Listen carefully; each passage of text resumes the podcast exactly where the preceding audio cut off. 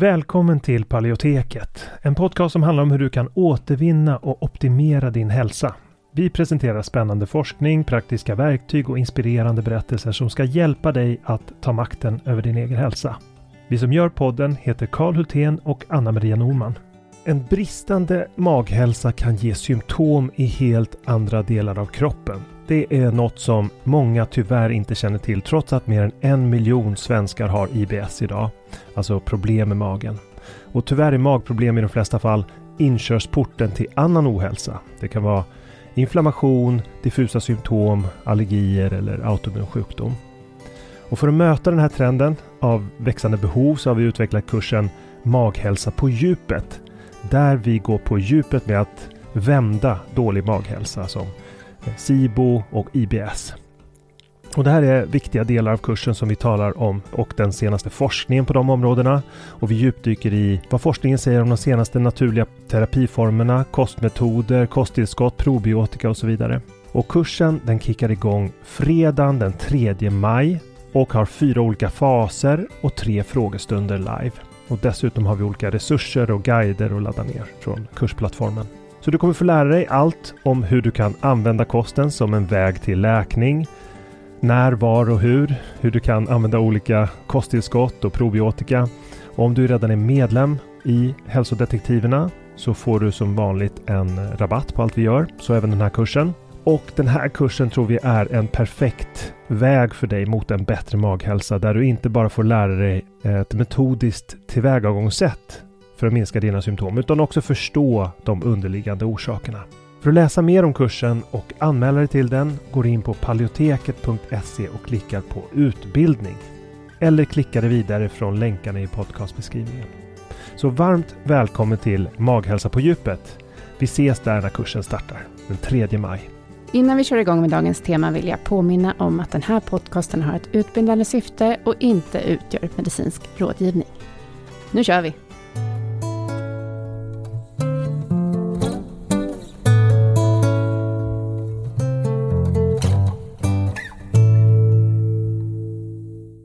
Idag intervjuar jag Elin Cederberg som 2006 fick diagnosen Hashimotos. Hon berättar om hennes utmaningar och hur hon har hanterat dem. Hon har testat olika kostupplägg. Hon har testat LCHF, paleo och AIP-kost. Hon har provat olika typer av medicinering. Hon har tagit hjälp av yogan och andningen för att läka. Och även naturvistelser är väldigt viktigt för henne. Sen har hon tagit hjälp av funktionsmedicinska läkare. Så lyssna på det här om du är intresserad av många olika aspekter av att läka. Vi ska kunna kalla det för helhetshälsa med Elin Cederberg.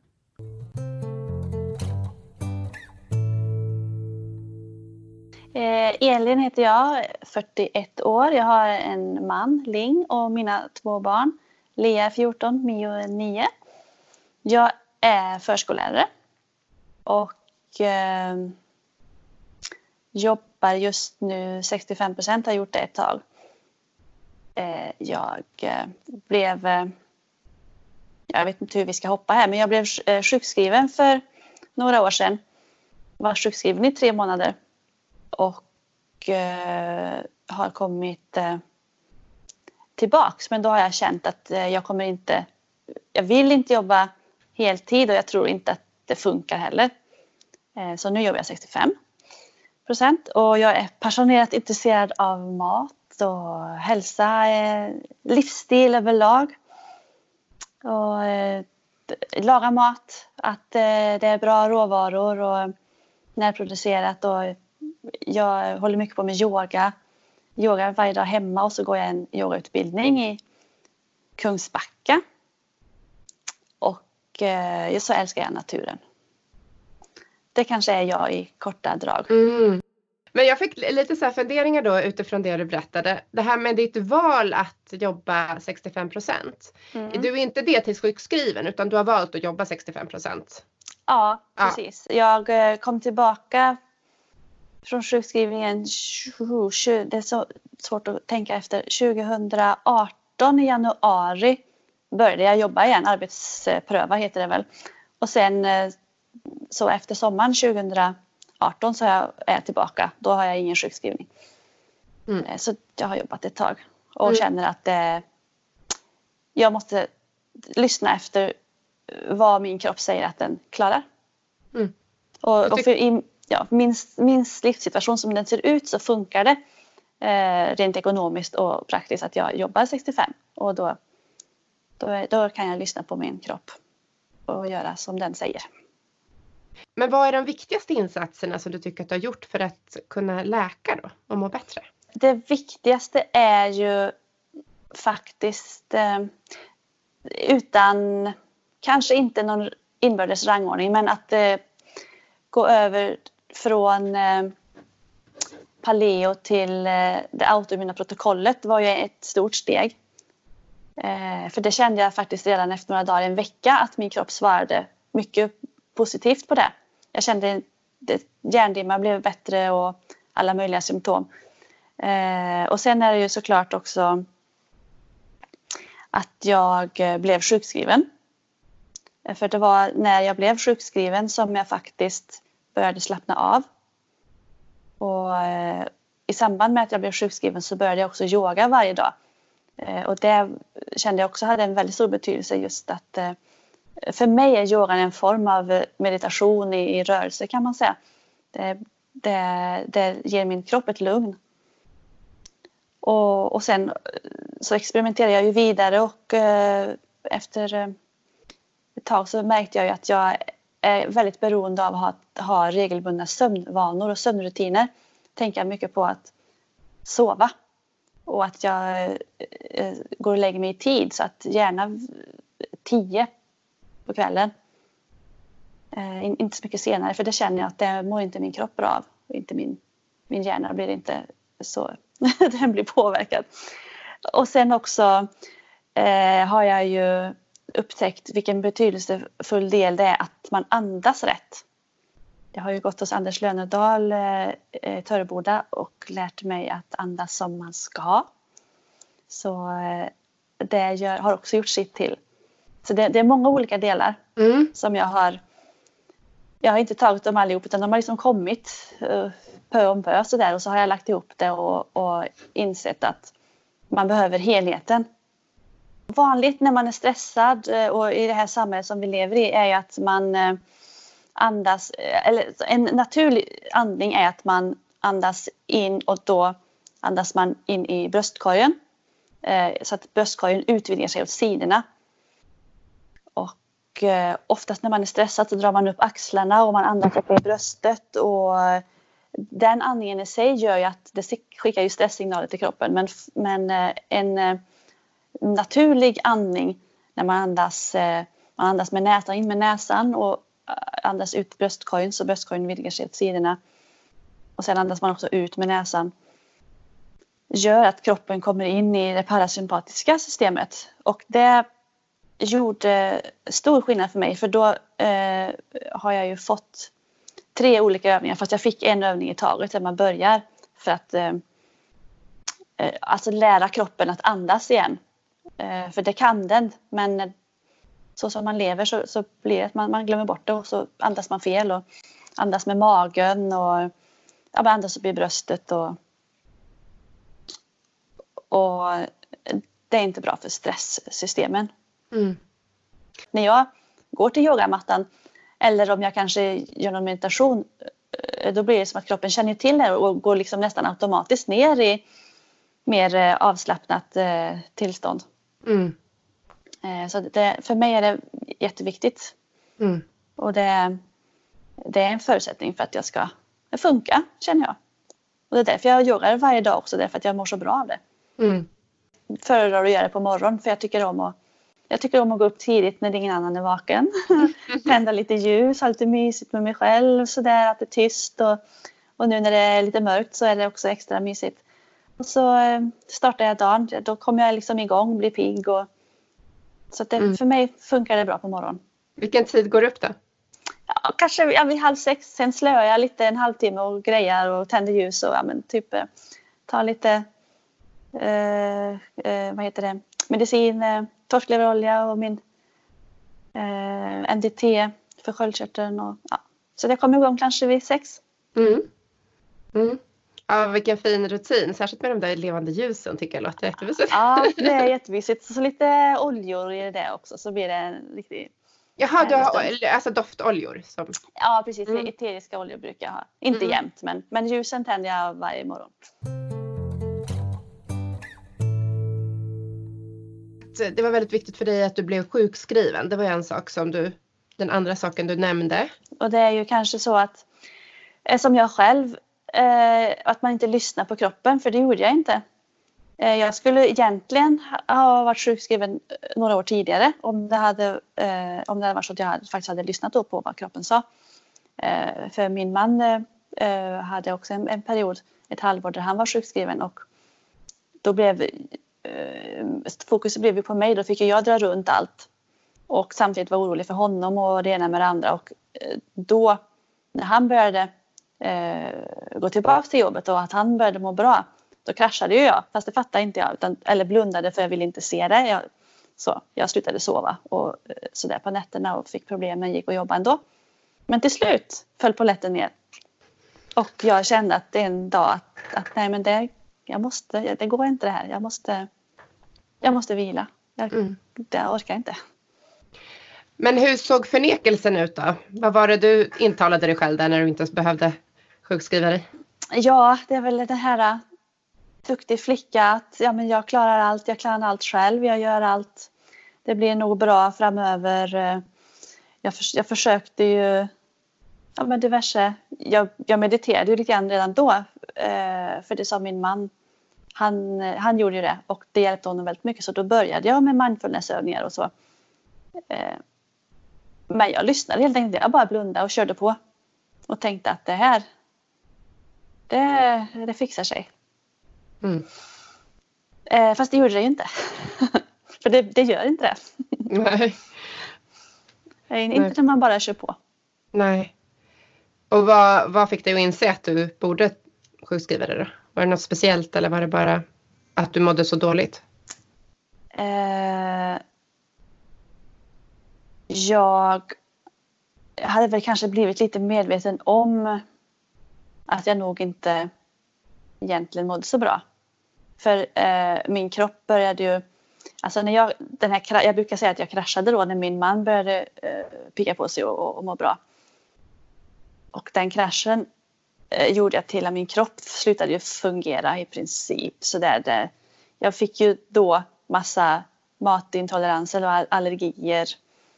Eh, jag, min mage funkade inte bra. Och, eh, jag fick ju mer symptom från sköldkörteln och allt det här. Så det var väl i den vevan när jag kanske och, kände att jag inte må, mådde bra. När jag inte sov och allt det här att jag, jag kanske började inse att det, det står inte rätt till i kroppen. Mm. Och började känna då och tänka. Mm. Nej, men för att som jag förstår det så hade du redan innan dess gjort en hel del eh, liksom, eh, efterforskning och letat dig fram till eh, medicinering som skulle funka för dig till exempel och sådär. Ja. Eh, så det hade du ju redan egentligen på plats. Mm. Men ändå så kom det här av de här livs omständigheterna på att, ja, säga, så att säga. Att du fick dra ja. det här stora lasset och inte kunde sova och så. Ja. Men skulle du kunna beskriva lite det här, äh, din efterforskning och det som när du letade dig fram också till att hitta en bra medicinering för dig? Mm. Det, den vägen är ganska lång. Eh, för jag fick ju ingen, ingen eh, förståelse och jag tycker inte att jag fick någon hjälp i den vanliga vården. Eh, frågar du en, en läkare så skulle de väl ha en annan åsikt. Men Eh, för, eh, för sköldkörteln fick jag ju Levaxin. Eh, vilket till en början hjälpte lite grann. Eh, men sen så kom ju symptomen tillbaka och det blev, det blev värre nästan. Eh, så då började jag googla och eh, var en sväng i Finland hos Karin Munsterhjelm. Hon hade praktik och hon skrev ut naturligt sköldkörtelhormon.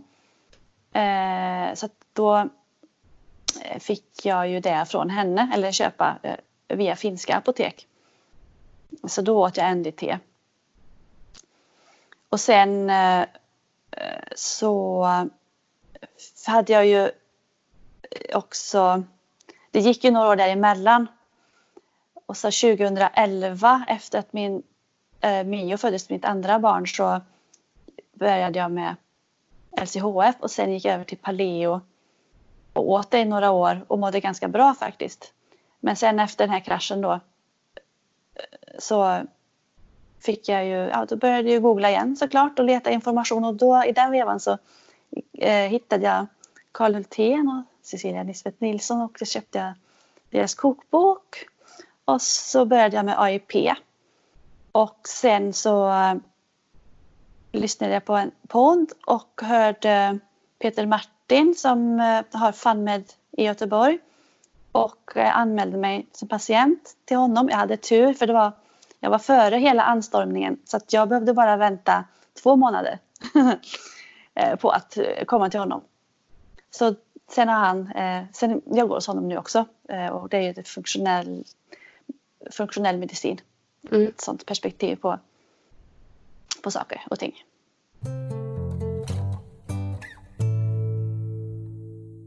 Eh, när jag började med LCHF eh, så kände, då gick jag från en, en standardkost till LCHF. Och eh, jag funkar ju så att jag, jag gör allt eh, på en gång. Så för mig är det antingen eller. Så att jag slutade tvärt med allting och började med LCHF. Och mådde bra på det. Eh, sen så eh, tycker jag om att lyssna på hälsopoddar och, och sånt där. Så att jag lyssnade ju mycket och eh, insåg att mjölkprodukter är ju inte enbart positivt. Det finns ju mycket negativt med det och eh, i och med att jag har en autoimmunitet då, eh, Hashimoto, så tänkte jag att ja, men jag, jag ska nog pröva att utesluta mjölkprodukter. Jag går över till paleo istället och ser hur kroppen reagerar på det. Och det kände jag att det, det var rätt för mig för jag hade det försvann lite hjärndimma. Eh, faktiskt, jag blev piggare i kroppen. Eh, det var väl de största förändringarna. Och sen åt jag ju paleo i några år och tyckte att det funkade väldigt bra. Sen eh, har väl jag eh, jag, är, jag har alltid eh, hållit mig ganska väl till saker och ting. Jag funkar lite så att jag kanske inte gör avsteg och sådär. Så att jag, jag har kört paleo rent. Eh, och sen så eh, gick jag över till det autoimmuna protokollet och, och tog ju bort eh, mycket som kan vara inflammationsökande i kroppen. Jag, jag, gjorde inte någon återintroduktion alls eh, i början. Jag, jag tror att eh, kanske jag försökte efter tre månader med lite kryddor och sådär som är de första. Vilket inte funkar för jag fick ont i huvudet och jag kände liksom att nej det går inte. Och då tänkte jag att nej men då, nu kör jag strikt. Och, och så kör jag strikt tills jag faktiskt känner att det blir en skillnad. Och det eh, för jag tyckte ändå att eh, det finns så mycket jag kan äta och det är så god mat och jag gillar ju att laga mat så, där, så att för mig var det ingen, ingen uppoffring egentligen att, att hålla mig strikt. Att jag inte kan fika som alla andra, det, ja, det spelar inte mig någon roll egentligen. Sådär. Det är egentligen alla andra som tycker att det är synd om mig. Fast jag tycker inte det för att jag vet att jag mår så bra. Så att det som skulle vara synd det är om jag, om jag åt saker som jag inte tål för då blir det synd om mig för då mår jag inte bra. Eh, men i alla fall så var jag strikt kanske, om jag kommer ihåg rätt så kanske jag provade någonting efter sex månader och då var det ju lite kryddor och då kunde jag ju återintroducera ja, men lite vitpeppar, svartpeppar och de här kryddorna som, som kanske är i en gråzon nu men som då var eh, uteslutet. Eh, och sen så eh, nöjde jag mig med det ett tag och tyckte att ja, men vad bra, då kan jag ju ha lite vitpeppar på maten och sådär. Och så bestämde jag mig för att jag kör strikt så länge, så länge jag måste och då blir det väl ett, efter ett år tror jag ungefär som jag, eh, och det är lite diffust, men jag vet i alla fall att i samband med att jag var sjukskriven och kroppen lugnade ner sig så kände jag att jag fick ett inre lugn. Och då kände jag att ja, men nu kanske jag skulle kunna pröva att återintroducera lite mer och se vad som händer. Och, och det, det gick ju mycket bättre då. Mm. När kroppen hade kommit ner i lugn och ro-systemet och jag hade fått vila där ett tag. Och faktiskt hade varit strikt så att kroppen också fick vila från alla födoämnen som den hade reagerat på. Så då kunde jag faktiskt eh, introducera ägg. Började med äggulan. Och sen provade jag efter ett tag äggvita och det funkade. I, eh, om jag äter råa ägg, till exempel om jag gör egen majonnäs, då funkar det lite grann, men inte för mycket. Men kokta ägg eller stekta, när det är uppvärmt, då funkar det. Sen så har jag gjort lite ytterligare introduceringar som har eh, funkat och en del inte. Och när du säger funkar, hur märker mm. du om det inte funkar eller om det funkar? Ja, nu för tiden är det lite svårare. I början, så fort jag fick i mig någonting så spydde jag. Oj, det var tydligt. Eh, ja, det var väldigt tydligt. Det var väldigt lätt då. Så jag visste liksom att... Och jag, från början så trodde jag, men är jag magsjuk nu igen? Eh, men det, när jag fattade att, att det var, handlade om vad jag åt så förstod jag ju att okej, okay, min kropp reagerar jättestarkt. Eh, och sen när jag blev bättre så har det blivit mer diffusa symptom som till exempel eh, Eh, nu kanske inte kommer direkt för den här magsjukegrejen den kom ju, hade jag ätit någonting så visst, eh, som jag inte, ja, det visste jag inte men då, på natten blev jag alltid sjuk, det var, då spydde jag och då kunde jag relatera till, eller härleda till att det var något jag hade ätit. Nu kan det gå några dagar kanske så får jag lite ont i händerna, i lederna i händerna kan jag få lite ont, i tumleden kan jag bli öm eller i ena stortåleden. Det är väldigt specifikt fast ändå lite diffust. Och sen så kan jag känna ja, hjärndimma lite sådär. Och eh, jag kan också få en känsla i kroppen som att jag känner mig svag i musklerna. Det är som att jag är trött på något sätt. Som jag inte är annars. Det är svårt att beskriva. Jag vet inte om det är någon mer än jag som förstår men jag känner mig lite svag i kroppen. Och så har jag också, nu för tiden kan jag få som utslag eller lite eksem sådär. Eh, lite i ansiktet. Som jag har just nu. så att det, det är något. Mm. Precis. Har du varit, gjort på något systematiskt sätt för att liksom hålla koll på det här, vad som händer efter tre dagar? Har du fört någon dagbok eller så? Eller hur, hur har du gjort? Ja, det gjorde jag. I början så följde jag ju eh, väldigt noga protokollet och, och skrev upp eh, eh en symptomdagbok. Hur, vad jag hade ätit. Eh, när jag, när jag då återintroducerade så skrev jag upp vad det var och sen så, så eh, kände jag ju också väldigt noga efter och så, så skrev jag ju efter ja, om jag fick några symptom som jag inte kände igen. Eh, så det, det, skrev jag upp så efter en dag eller två eller tre dagar och, och kanske efter en vecka. Och, så jag försökte jakt på alla kroppsliga liksom, system och funktioner sådär. Eh, och höll mig till det. Nu på slutet så har jag blivit lite lat så att då känner jag liksom mer efter bara sådär. Mm. Men, men det blir också när man får lite erfarenhet och man, man lär känna sin kropp för det går ju ut på att man lyssnar ju väldigt mycket på sig själv. Man studerar både insidan höll jag på att säga och utsidan lite grann så. Man känner efter och sen så, så märker man ju med erfarenhet och hur, att man kanske har märkt hur kroppen reagerar och, och hur man mår när man så att säga mår bra. Eh, så. Men det, det, är, lite, det är lite diffust, lite svårare nu. Jag, jag tänker också att ju mer min mage och tarm har läkt och läker så blir ju symptomen inte lika stora heller, tänker jag. Eh, och då blir det svårare att urskilja dem från kanske en, eh, alltså inom situationstecken en vanlig stressig dag på jobbet. Mm. kan ju också ge ett eh, symptom. Så det, ja. det, det, det, är ju det här hela tiden, man får återgå till att eh, tänka på återhämtning mm. till exempel. Tänka på att man är ute, får dagsljus ute i ute. Kan man inte ha tillgång till natur så kan man åtminstone vara ute. Mm. Bland annat. Ja men verkligen. Ja. ja. men för det var någonting som du lyfte upp också där i början liksom kring att du älskar naturen. Ja. Det... Är det, och det är också någonting som du ser som en del av din läkningsstrategi?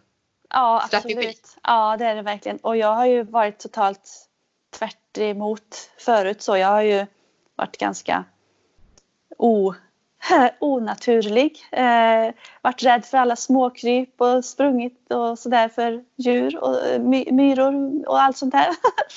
eh, men sen så har jag bara känt, jag har satsat väldigt mycket på mig själv eh, under våren och sommaren 2019 blir det ju. Jag har gjort mycket bara för mig själv. Eh, och varit jättemycket ute i naturen och skogen. Och jag, har åkt iväg, jag har tältat, jag har sovit under bar himmel och bara känt att det här eh, behöver min kropp. Så nu är det också väldigt naturligt för mig. Jag känner att... Men om vi bara eh, går tillbaka lite till kosten här. Hur äter mm. du idag? Idag äter jag en anpassad eh, eh paleokost. Eh, och jag, jag, med vissa återintroducerade livsmedel och så. Men eh, det är ju mycket som jag inte ens har provat än. Till exempel nattskatteväxter. Ja, tomater har jag provat för jag älskar tomater. Och det går lite grann. Äter jag för mycket så får jag ont i lederna. Men annars så äter jag en anpassad autoimmun kost, paleokost. Anpassad genom att du har introducerat ägg till exempel? Ja, precis. Och, och lite jag, kryddor? Ja, kryddor och eh, mandel till exempel och, och eh, mm, ja, tomat går ibland och, och mm. just nu kommer jag inte på vad jag, jag har ju introducerat lite fler grejer men just nu kommer jag inte på jag försöker att vara återhållsam med frukt för jag har ju upptäckt att jag triggas av sött till exempel mm. och även frukt triggar ju mig så att jag älskar frukt eh, såklart. Och, men äter jag för mycket så blir jag sugen och så vill jag ha mer och så vill jag ha mer och så är jag inne i den här onda spiralen att jag är sugen. Mm. Eh, och jag, det är väldigt jobbigt att gå omkring och vara sugen så för mig är det lite grann där också allt eller inget. Mm. Det är ju det att det blir lite för gott. Jag mm. tycker ju att det, att det är kul att baka också. Så jag har ju eh, eh, mjöler som är AIP, till exempel jordmandelmjöl och kassavamjöl och sånt där. Och jag bakar lite grann ibland. Eh, men det blir lite för gott. Och bakar jag för mycket så jag äter ju upp det också, det är ju det. Det är ju inte så att, eh, att det blir kvar utan då äter jag allt precis. Och jag vet ju tyvärr är det ju så att jag triggas av, av saker som är sött och det är inte bara socker då utan för mig handlar det om ja, men frukt till exempel och även saker som eh, kanske en person som äter en standardkost inte skulle tycka alls är sött eh, blir ändå för mitt system en trigger.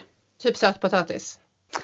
Ja, kanske inte sötpotatis men jag tänker eh, om jag har, använder för mycket honung till exempel. Mm. Eller, eller bara använder till exempel om jag, bakar, om jag bakar för mycket med olika mjöler också helt enkelt. Mm. Och mm. kanske har karob är ju också sött i sig. Mm. Ehm, så att jag är ganska känslig. Ja, men precis. Skulle jag säga. Mm. Men just sötpotatis och så, eh, rotfrukter, det går bra. Mm. Jag tycker också att det är väldigt jobbigt att gå och vara sugen. Mm. För att uh, det, ja, men det blir ett jobbigt, uh, uh, det blir jobbigt i kroppen. Sådär. Och då helt enkelt så är det bättre att inte äta alls. Mm. Eller kanske någon enstaka gång så funkar det men det, det, det, blir lätt att, att det blir mer och mer. Har du några regler för dig själv? Typ så här, jag gör det på kalas eller jag, vad, har du någon typ av sådana förhållningsregler eller förhållningssätt? Nej, jag, har, jag känner nog mer att jag, jag försöker vara ganska återhållsam och, och, och, kanske om jag, blir, om jag går hem till någon som har gjort något fika som jag kan äta så ja, då, då känner jag men då kan jag väl ta lite grann. Och så gör jag väl ingenting hemma då istället. Så, ja, men kanske lite regler fast in, inte så uttalade ändå utan det, jag försöker mer tänka att väldigt sällan. Mm. Och hamnar jag i en spiral som jag då har gjort flera gånger såklart så fastnar jag ju den ett tag och så äter jag och så är jag sugen och så äter jag och så mm, känner jag efter ett tag att nej men nu, nu måste jag, nu får jag gå cold turkey och sluta med allt. Mm. Och så mm. är det jobbigt, eller jobbigt är det inte men då blir man lite sugen kanske en dag eller två och sen så släpper det så är det borta. Just det. Ja, självkännedom. Ja.